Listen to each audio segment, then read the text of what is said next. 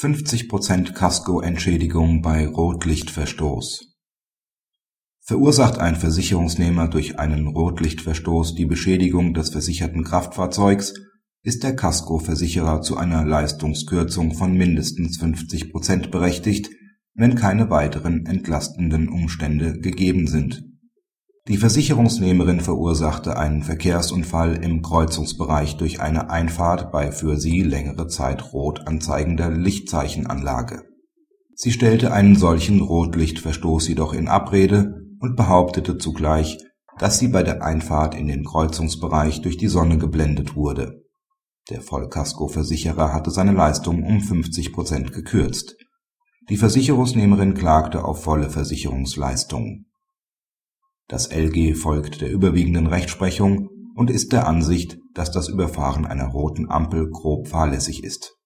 Dies wird vom LG nach Prüfung in objektiver und subjektiver Hinsicht bejaht. Der Versicherer ist daher gemäß § 81 Absatz 2 VVG zu einer Leistungskürzung berechtigt, die sich an der Schwere des Verschuldens orientiert.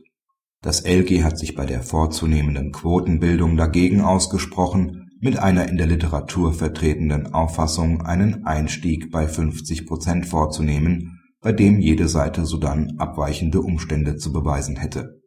Es sei sachgerecht von einem Standard-Einstiegswert abzusehen und die Bemessung der Quote anhand aller Umstände des Einzelfalls vorzunehmen. Hier hält es das LG aber zur Vermeidung von zu großen Unterschieden für geboten, bei der Quotenbildung in Schritten von 25 Prozent vorzugehen selbst wenn die Unfallschilderung der Versicherungsnehmerin, also die Blendung, als zutreffend angesehen wird, würde es einen schwerwiegenden Verstoß gegen die gebotene Sorgfalt darstellen, in den Kreuzungsbereich einzufahren, ohne dass die maßgebliche Lichtzeichenanlage eingesehen werden könnte.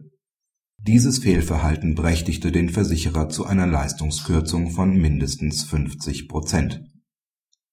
Praxishinweis das Urteil des LG Münster ist eines der ersten Urteile zur Quotelung bei grober Fahrlässigkeit nach dem neuen VVG.